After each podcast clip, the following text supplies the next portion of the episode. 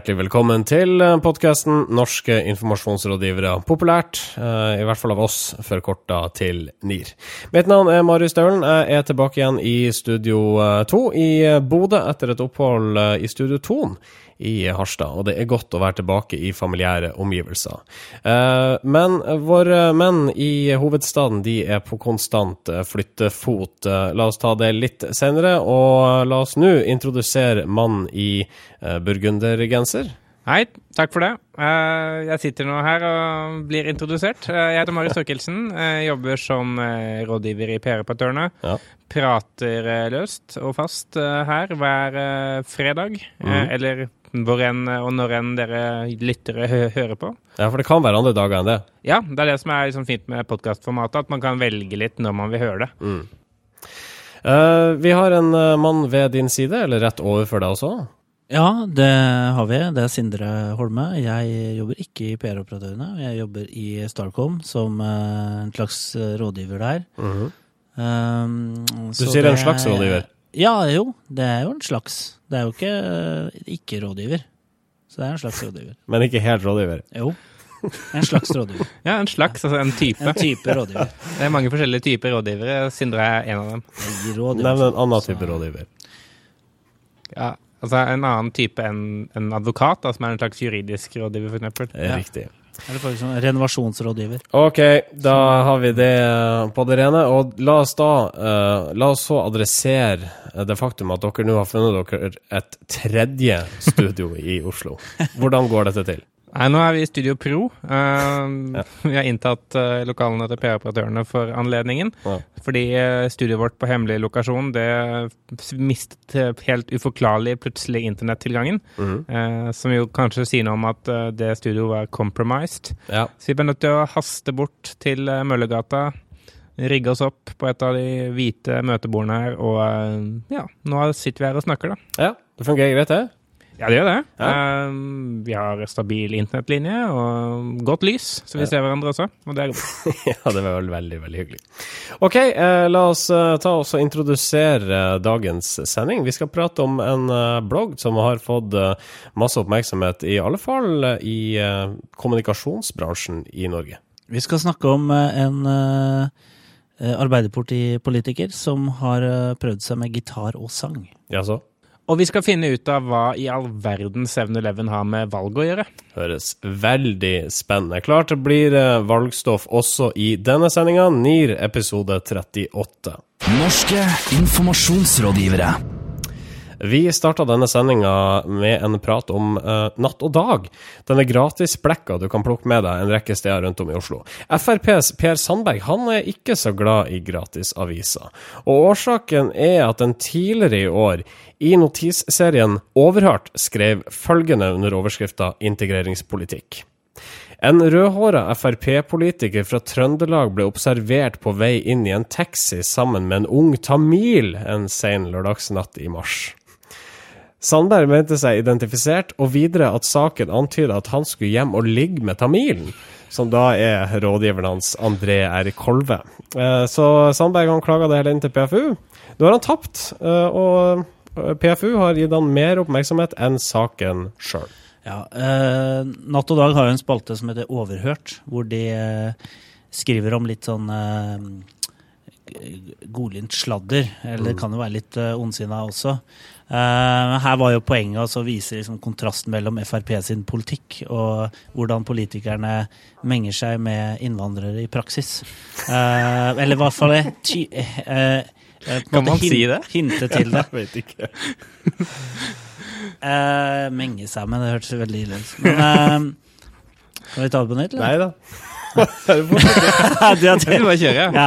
Ikke den veien dette går. Mengt seg med innvandrere, det var det du sa Ja, mengt seg med innvandrere, som det heter. Eh, på litt sånn folkelig språk. Altså litt Frp-språk, da.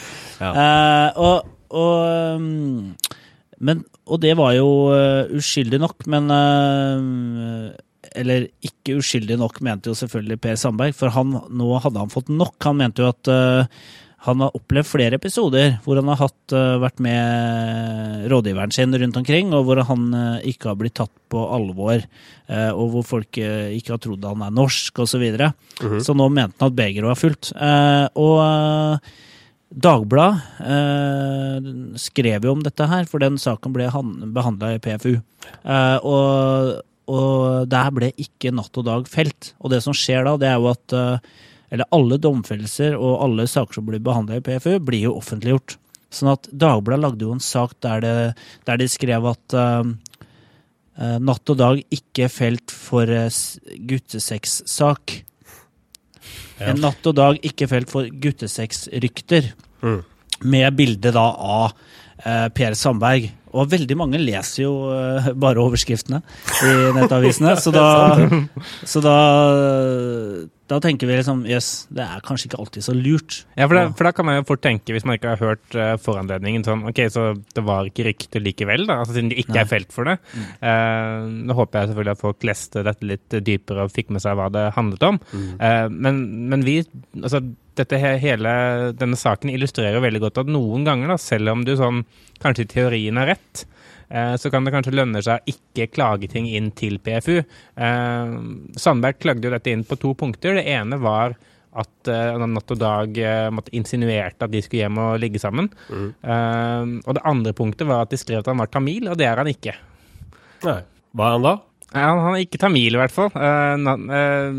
PFU konkluderte med at dette var en sånn type jungeltelegrafspalte hvor man liksom ikke kunne helt bli felt verken sånn av mangel på tilsvarsrett eller noe annet. Mm. Og at uh, selv om han teknisk sett ikke var tamil, så var man ikke det heller nok til å få en domfellelse, det at man hadde oppgitt feil etnisitet. For de mener at det er noe som er lett å ta feil av. Ja. Uh, og dette som sagt, det har fått masse oppmerksomhet. Altså, uh, man tenker bare at de burde bare kanskje latt det ligge. Ja, Det Per Sandberg uh, kanskje har vært utsatt for her sammen med sin rådgiver, er den såkalte Strøysen-effekten som da er et internettfenomen.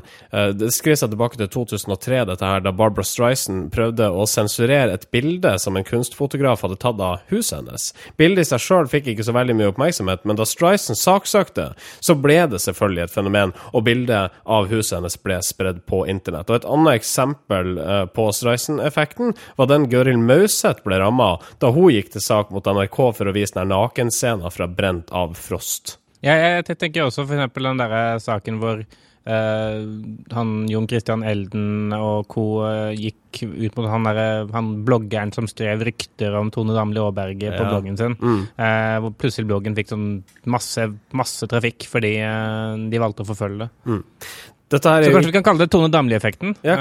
ja, vi kan gjøre det. Hvis dere åpner for det? Ja. Mm. men det, det, er jo, det, er jo, vanskelig. Altså, jeg forstår jo måtte, han blir frustrert og mm. sint av det, for det er helt tydelig hva, måte, hva de insinuerer, på en måte.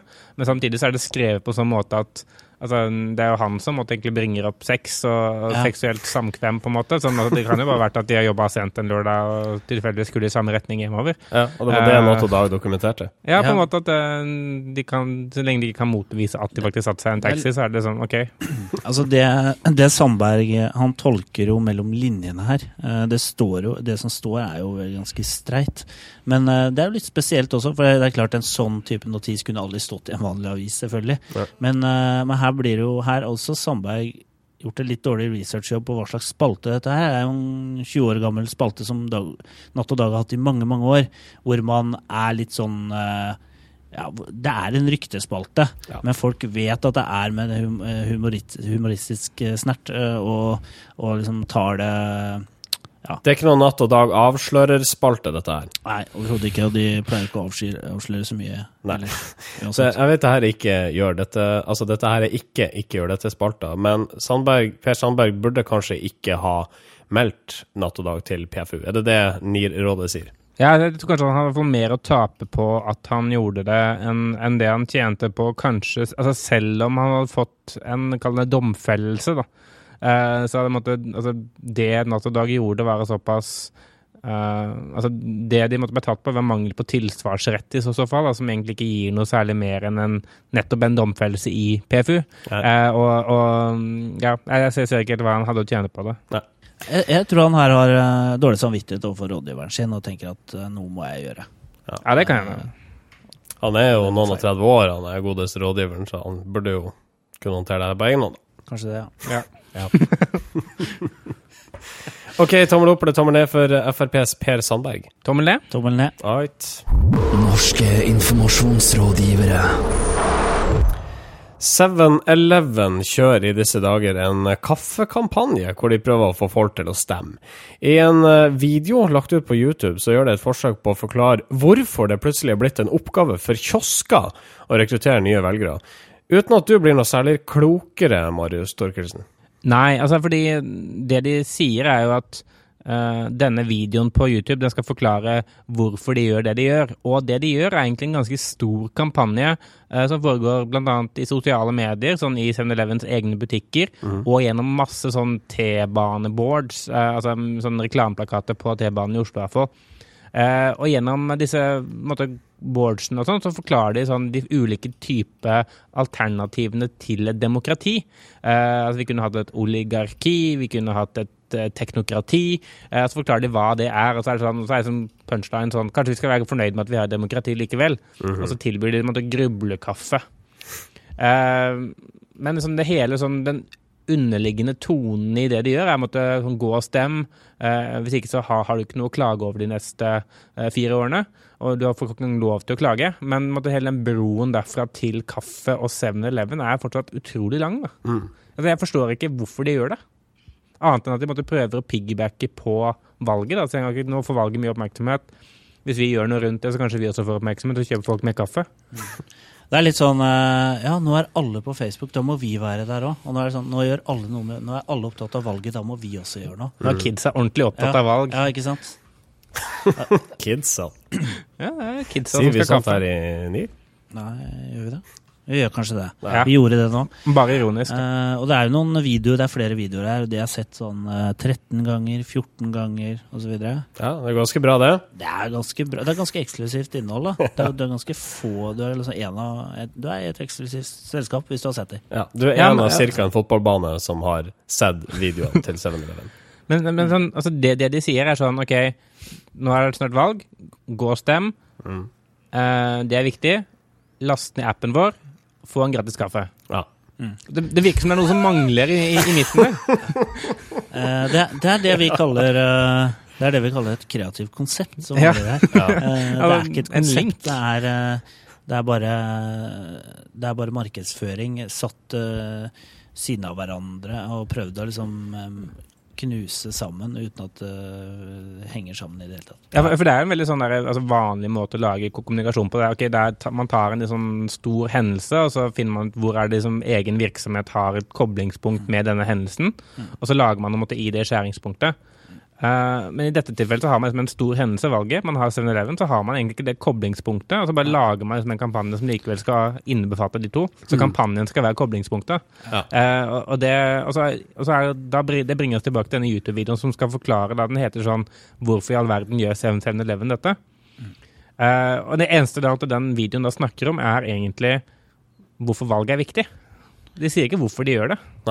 det, det er jo jeg syns jo det er jo mange da merkevarer som prøver å utnytte valget til sin fordel. Og jeg syns det er noen som lykkes. Jeg syns Litago lykkes, som har en ganske sånn distinkt tone of voice på Facebook. Litt sånn tørr humor, hvor ku og stut og, og mø eh, byttes ut med andre ord og sånn. Eh, det er ganske artig. Ja, det er sikkert artigere når du ser det, enn når du eh, det. De snakker om liksom eh, Høy på landet er et stutsbudsjett som tar hensyn til grasrota. uh, nei, det er bare sånn Altså, det er jo uh, Ja, det er greit, jur, Sindre. Ta hensyn til eh, jurfolk. Godt, godt eksempel sånn. der. Mm. Ja, men det, det, er et veldig godt poeng. Sånn jeg tenker at det, det er ikke noe problem egentlig å lage kommunikasjon rundt valget, men altså, du må kjenne din egen rolle. da. Mm. Uh, altså 7-Eleven er jo ikke en rolle hvor du egentlig kan ta å måte, bli en viktig samfunnsaktør. I hvert fall ikke sånn altså, Jeg forstår ikke helt måte, hvor de tror de står en som gjør at de kan fortelle folk gå og stemme. Uh, men på den andre siden så har man jo da Litago som faktisk forstår at vi spiller egentlig ikke noen viktig rolle, men vi kan i hvert fall uh, lage noe kommunikasjon rundt dette her som er litt tøysete fordi vi er litt tøysete. Mm. Uh, og måtte bare lage litt sånn morsomt innhold til sosiale medier som kan deles, som, som, fungerer mye bedre, syns jeg. Mm. Jeg vil bare henge meg opp i en, en sak der 7-Eleven sier at hvis du ikke går og stemmer, så har du heller ingenting du skal klage på. Uh, og det stusser jeg litt på, og det er det tydeligvis flere som har gjort. Det er jo ikke bare 7-Eleven som forsøker å påvirke folk til å velge, det gjør jo også NRK. Og en av NRKs kritikere for deres kampanje med å få unge til å velge, det er journalisten Frank Rossavik. Og han sier det at å la være å stemme, det kan også være en informert beslutning. Og den beslutninga fortjener verken NRKs eller andres moralisering. Jeg, jeg syns uh, Rossavik har et godt poeng. Det er uh, det, er, det å ikke stemme er også et valg, og jeg mener hvis mange nok ikke stemmer, så er jo det også et, et uh, synspunkt. Sånn ja. at og, og, i år ser jo mange at uh, f.eks. Miljøpartiet De Grønne får langt flere stemmer enn de har gjort tidligere. Og det er også uttrykk for noe, men jeg tenker på det å stemme og ikke stemme i det hele tatt er jo også uttrykk for noe, uten at man kan si eksakt hva det er. Og så er det slik at når jeg tenker på moralisering, så vil jeg heller høre det fra NRK dersom jeg ikke stemmer, enn å bli moralisert over av 7-Eleven. Ja, det mener jeg også. For det er jo 7-Eleven tar jo en sånn rolle som en sånn moraliserende eh, Kall det part, da, som sier at eh, hør på oss, hør, nå, hør på dette viktige vi har å si, gjør ja. som vi sier. Hvis ikke så kommer du til å få det verre de kommende fire årene. Og jeg tenker hva i helvete, selg kaffe og bolle meg, og så kan dere la være måtte, å blande dere i mine sånn samfunns, mitt sånn samfunnsengasjement. Da. da har du misforstått din rolle som, som kiosk. Drittkiosk. Mm. Hvis jeg ville villet at kiosken skulle måtte hatt meninger om de politiske valgene jeg tar, da hadde jeg gått til en dagligvarebutikk. Altså, det, altså, det er komplett eh, mangel på rolleforståelse, ja. eh, enkelt sagt. Skal vi forsøke oss på en tommel opp eller tommel ned for 7-Eleven? Tommel ned. Tommel ned. Norske informasjonsrådgivere. I forrige uke så fikk vi øynene opp for en ny blogg på det hippe og kule nettstedet Tumblr, eh, der et anonymt vedkommende legger ut noen bilder av noen av PR-bransjens markante skikkelser. Nettsida heter Sosiale medier-eliten, og indikerer vel altså navnet i seg sjøl at dette ikke er snakk om en hyllest til disse PR-folkene, snarere forsøk vedkommende bak å kreere memer, vil jeg påstå. Eh, det er vel den enkleste måten å forklare det på. Det er stor humor, synes mange, men det er ikke alle som er like fornøyd. Nei, det, det er helt eh, korrekt. Eh, for den her fikk, skapte jo så mye oppstyr. Den bloggen at, uh, at Kampanje lagde sak på det, og mm. intervjua da um, Anita Krohn Traaseth, som er uh, ganske markant sosiale medier-personlighet og jobber i Juliet Packard i Norge. Mm. og Thomas Moen, eh, som begge syns det var litt sånn artig å bli tøysa med, og måtte bare le av det. Men Hans Petter Nygaard Hansen, som jobber i Gegelmund Kise, han eh, syntes at dette lukta litt av jantelov og, og og digital mobbing var det han uh, snakket om der. Ja, og Vi snakker jo veldig ofte om at det er en ære å bli parodiert, men det syntes tydeligvis ikke HP Hansen. Altså, Hvis du treffer for godt, uh, så er det kanskje ikke en ære. Men uh, nei, altså det er jo det er, folk er ikke, Mange er ikke vant til det. og jeg tror internett og sosiale medier skaper en ny Eh, type kjendiser, da. Mm. Eh, som kanskje ikke oppfatter seg selv som eh, siden, siden, jeg ikke har vært på TV i beste sendetid, så er jeg ikke en ordentlig kjendis. Så det, det, kommer litt brått på mange, da, tror jeg. Sånn sånn jøss, yes, er jeg så synlig at du kan kødde med meg. Hans Petter Nygaard Hansen ble overraska over at han ble kjendis uh, av f.eks. å drive og skrive innlegg på kampanje som handla om at du måtte snakke med og ikke til kundene dine. Det kunne ikke han forvente. Nei, for eksempel. Uh, det, det, det, som jeg tror altså det, det, du sier der, er et godt eksempel på det som jeg tror er et sånn formål med denne bloggen, og det er det at det er jo en gjeng som på en måte har vokst frem som relativt markante personligheter gjennom dette, fordi de deler ting og snakker om ting som uh, kan beskrives som selvfølgeligheter, og som kan beskrives som revolusjonerende, alt etter som øyet som ser. Mm. Uh, problemet er at altså, disse personene har kanskje i stor grad kommet til et punkt hvor de har måtte, fått så mye følgere og så, måtte, så stort nettverk at det er egentlig ingen som har interesse av å måtte arrestere dem på ting eller motsi dem på ting.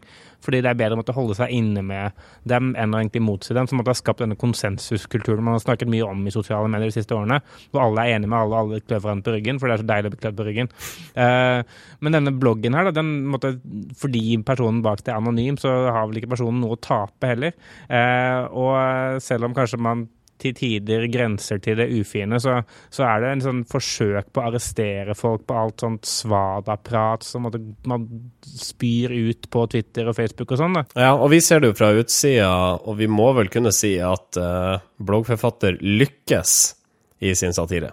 Ja, altså, han, han, har fått truffet en nerve som gjør at uh, det han kritiserer, er det mange som velger å kjenne seg igjen i. Da. Altså, enten måtte vi som da er liksom mer sånn passive observanter, hvis man kan kalle det det når man har en podkast, eller eh, de som faktisk er midt i smøret og blir parodiert selv. Mm. Eh, det er noe som måtte gi såpass mye gjenklang at dette har blitt en snakkis. Da. For hvis alt dette bare bommet fullstendig, eh, så hadde jo ingen egentlig giddet å dele det, eller giddet å snakke om det, for det hadde bare vært liksom, rart. Mm. Det som, eh, det som jeg syns er litt interessant her, og vi var litt inne på det når vi snakka om Per Sandbergs sak saken også, det er jo at håndtering av, håndtering av en, en, en, issue eller en sak eller en krise er jo vel så viktig som selve saken. Altså sånn når Hans Petter Nygaard Hansen uttaler at han føler at det er digital mobbing, så skaper jo det enda mer bruduljer, kan du si. Mm. Eh, fordi at hvis han hadde sagt da at nei, dette syns vi bare var gøy, og dette er uskyldig moro, ja. så ufarliggjør det jo bloggen.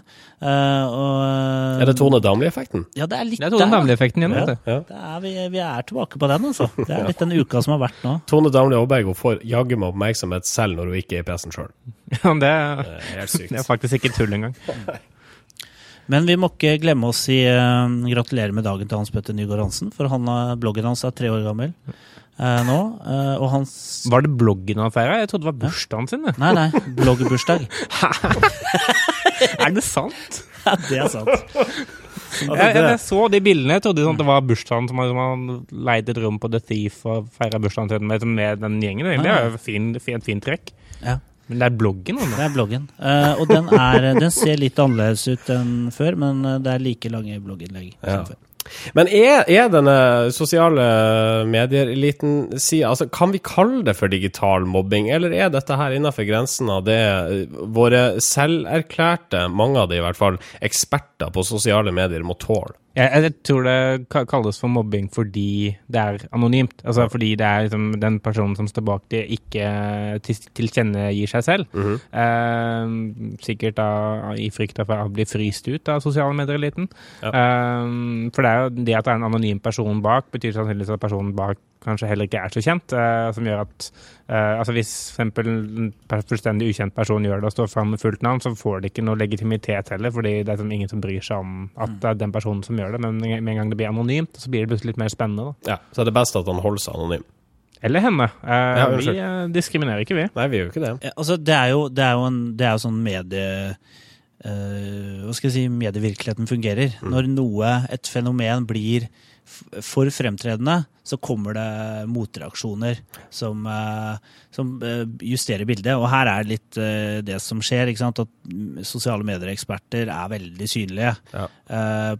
på forskjellige plattformer og har mye har et veldig Hva skal jeg si De får, får lov til å si veldig mye og mene veldig mye uten å ofte blir motsagt. Eh, fordi det er den konsensuskulturen som Torkelsen snakker om. Ja. Det er jo en sånn, eh, det er en sånn ventil. Det ser du at, eh, at, at sånn kritikk fungerer som. Fordi veldig mange syns dette er morsomt. Fordi at å, endelig er det liksom noe motreaksjon. Ja, det var jaggu meg på tide, spør du meg.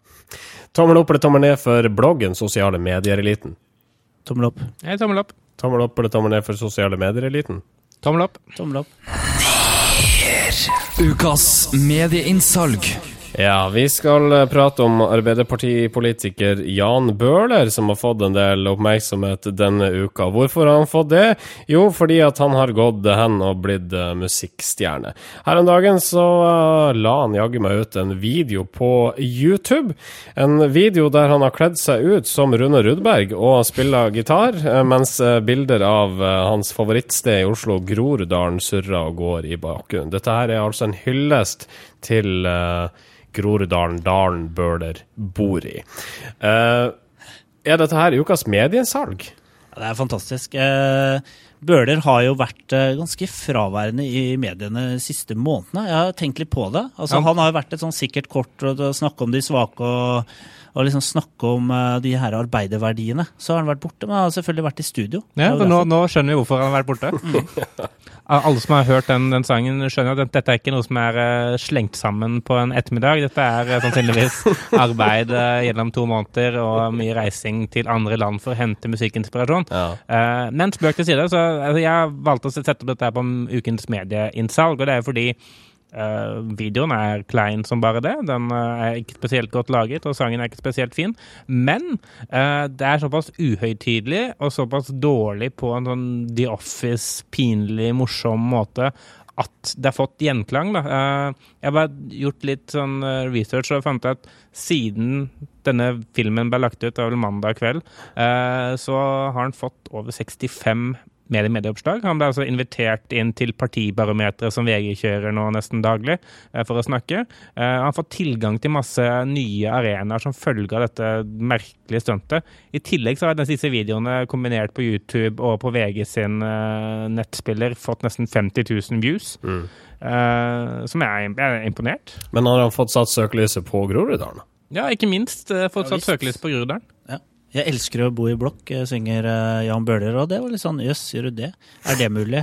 Da var det sikkert mange som tenkte, og, og tenkte at ja, Groruddalen må jo være fantastisk. Det er jo et bevis på at det er flott i Groruddalen. Men det, det, jeg tenker, det her er jo et ledd i, eh, i Arbeiderpartiets uh, valgkampsatsing. Uh, dette føyer seg jo inn i rekken av tiltak der Arbeiderpartipolitikere gjør det de ikke kan. Mm. uh, sånn at det henger veldig godt sammen med det taxistuntet til uh, Stoltenberg. Ja. Uh, tror dere Marius, du sier at dette her er litt sånn The Office-kleint, men tror du det var intensjonen fra Bøhler? Altså, det, er, det er to muligheter, bare to. Den ene er at dette er noe som Bøhler tenkte Hei, kult, dette skal jeg gjøre. Mm. Uh, la meg lage denne sangen og virkelig få vist hvordan Groruddalen gjør det. Det andre er at dette er som et sånt nøye, kynisk planlagt stunt av Tryoko. Eh, på at eh, altså hvis man lager denne filmen på akkurat den, denne måten, ikke for bra, eh, passer dårlig, dårlig lyssetting, eh, Jan Bøhler i tanktop, eh, så er det noe som blir så rart og merkelig at det kommer til å få en stor spredning. Og i så fall altså Jeg heller litt mot det siste, faktisk. Altså, jeg jeg syns jeg ser Kjetil Try sitte liksom i bakoverlent i stolen sin inne på det oransje oransje rommet eh, til eh, Try-kontoret og liksom roper ut du er stor som en bror holder ord. Groruddalen. Altså Altså det, det, eh, altså det, er respekt, altså, for ikke å le seg gjennom den sangen. Altså faktisk klare å holde maska da, mens han synger. Ja. Han, må jo, han, må jo, innse måtte, hva, hva, det er for noe, hvordan det ser ut og hva han gjør. Han er ikke eh, dum. Han er ikke dum, eh, forhåpentligvis. Eh, og med sånne biceps så er det Jeg skjønner jo måtte, at man, han vil gå i tanktop, men, men, likevel så har jeg aldri sett han i tanktop før. Eller vil sannsynligvis aldri se han i tanktop igjen, med mindre han også spiller denne sangen live i løpet av valgkampen. Eh, så jeg ser for meg at det er for noe rundt all denne kleinheten som er kalkulert. Da. Mm. Uh, og hvis dette her er kalkulert, så er det vel også iskaldt kalkulert at han bare skal stå og slå tilfeldig på strengene, ikke ja. at det tar noe grep eller noe som helst. ja, ja, det er fascinerende. Når du hører den lille, lille trudelutt-soloen, ja. så er det liksom fortsatt samme hamringa på gitaren. Da. Altså, nei Ja, det er det jeg mener. Altså, det, er det jeg mener. Det er, det er såpass, sånn, såpass, enkle ting som å bare sånn, prøve å late som du spiller gitar på ordentlig, eller ta fra en gitaren litt sånn åpenbart ikke spiller. Mm. Det, sånn, det, ser jo alle, tenker jeg. Altså, sånn, det hadde man jo bare fjernet hvis det ikke var meningen at det skulle vært rart. Ja. Uh, dette var altså ukas medieinnsalg, og det er vel bare å gratulere Jan Bøhler og Groruddalen. Jeg tror vi må forsøke oss på en tommel opp eller tommel ned i tillegg. Jeg er tommel opp.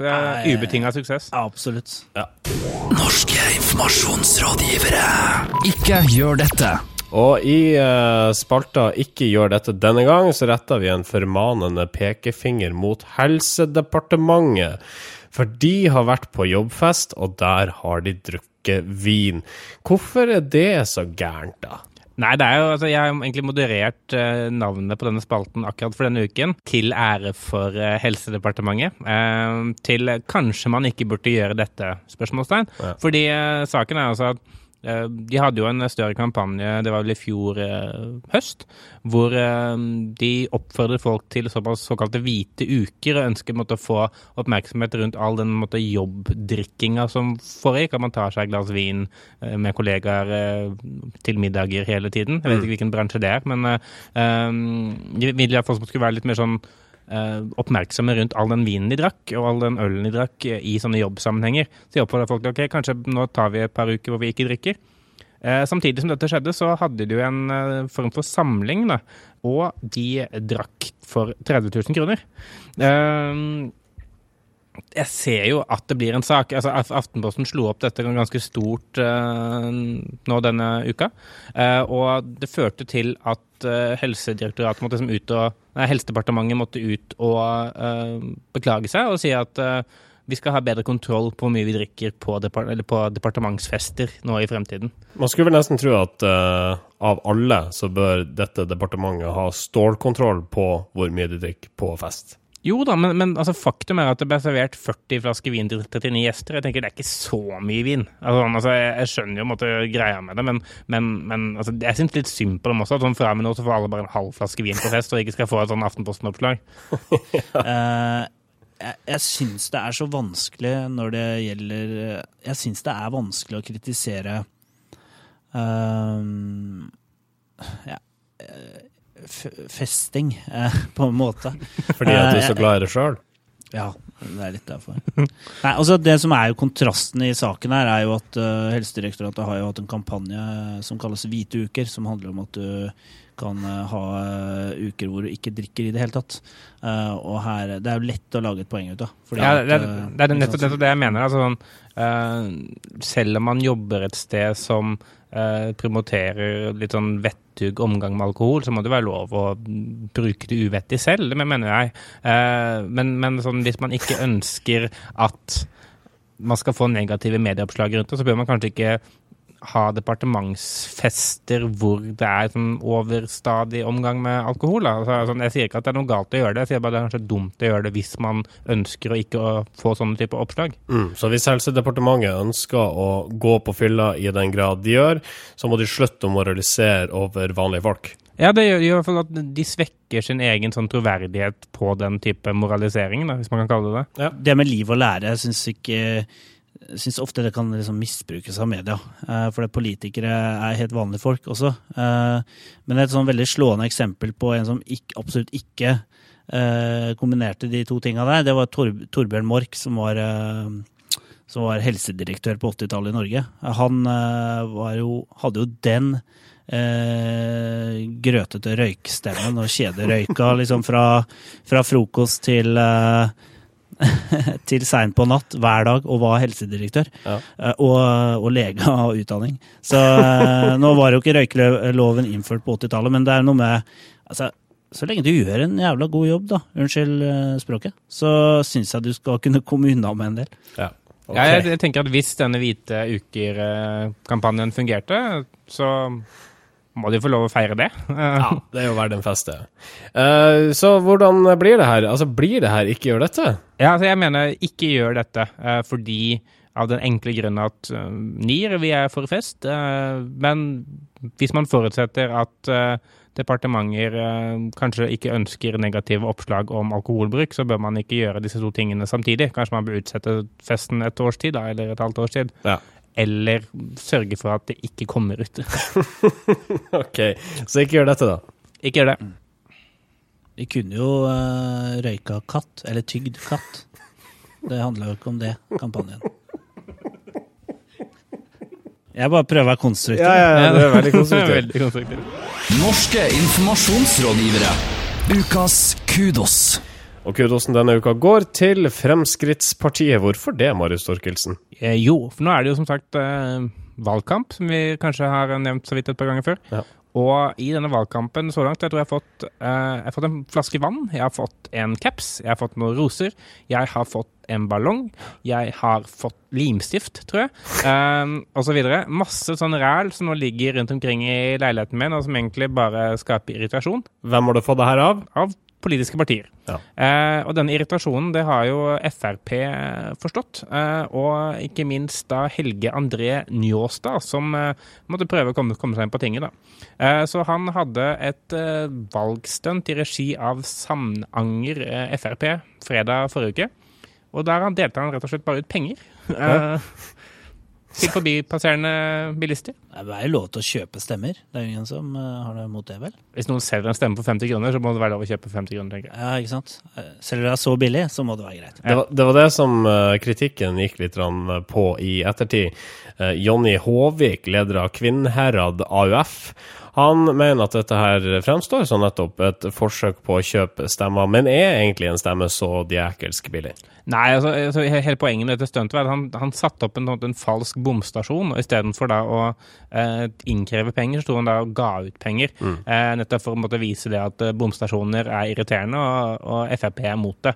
Eh, og som han sier, han mener at det ikke er noe verre enn en rose eller caps. Altså, det handler jo egentlig om verdien på det man gir, og eh, i stor grad så tror jeg ikke 50 kroner er med på å ombestemme en velger i den ene eller andre retningen. Det handler kanskje mer om da tanken bak det, som man sannsynligvis også får fram på en god måte.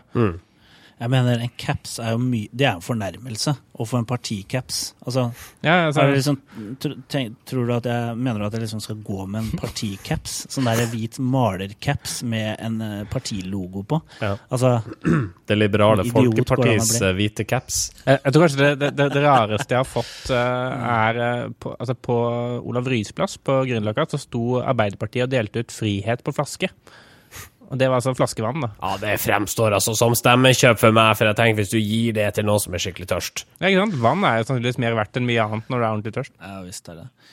Men det er litt kjedelig Altså, det er litt for litt det er litt for uh, mye kjedelig merchandise som partiene har. Altså, det kunne vært mer uh, flosshatter og uh, klovneneser og sånn. Det, det er lite av det.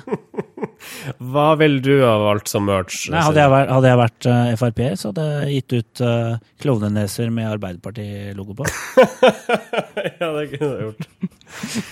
OK. Um, det, er det noen som har noe å legge til her? Ja, jeg bare synes at dette er et sånn Jeg vet vår eh, tidligere gjest Even Sandvold Roland, han er veldig også eh, Opptatt av merchandise. Ja, han er veldig opptatt av merchandise sånn på sånn karrieredager. og Jeg mener liksom alle virksomheter står og gir ut den samme pennen på en måte med forskjellig logo. Og at hvorfor i all verden gjør man det? Jo, man gjør det fordi alle andre gjør det. Eh, så jeg synes dette er et sånn godt eksempel på at du trenger ikke å gi bort capser og sånn bare fordi alle andre partier gjør det. Gjør noe annet, da. Altså, Gjør noe som faktisk får oppmerksomhet, eller så er det bare penger ut av vinduet. Og her er han penger inn et vindu. Ja. Bilvindu.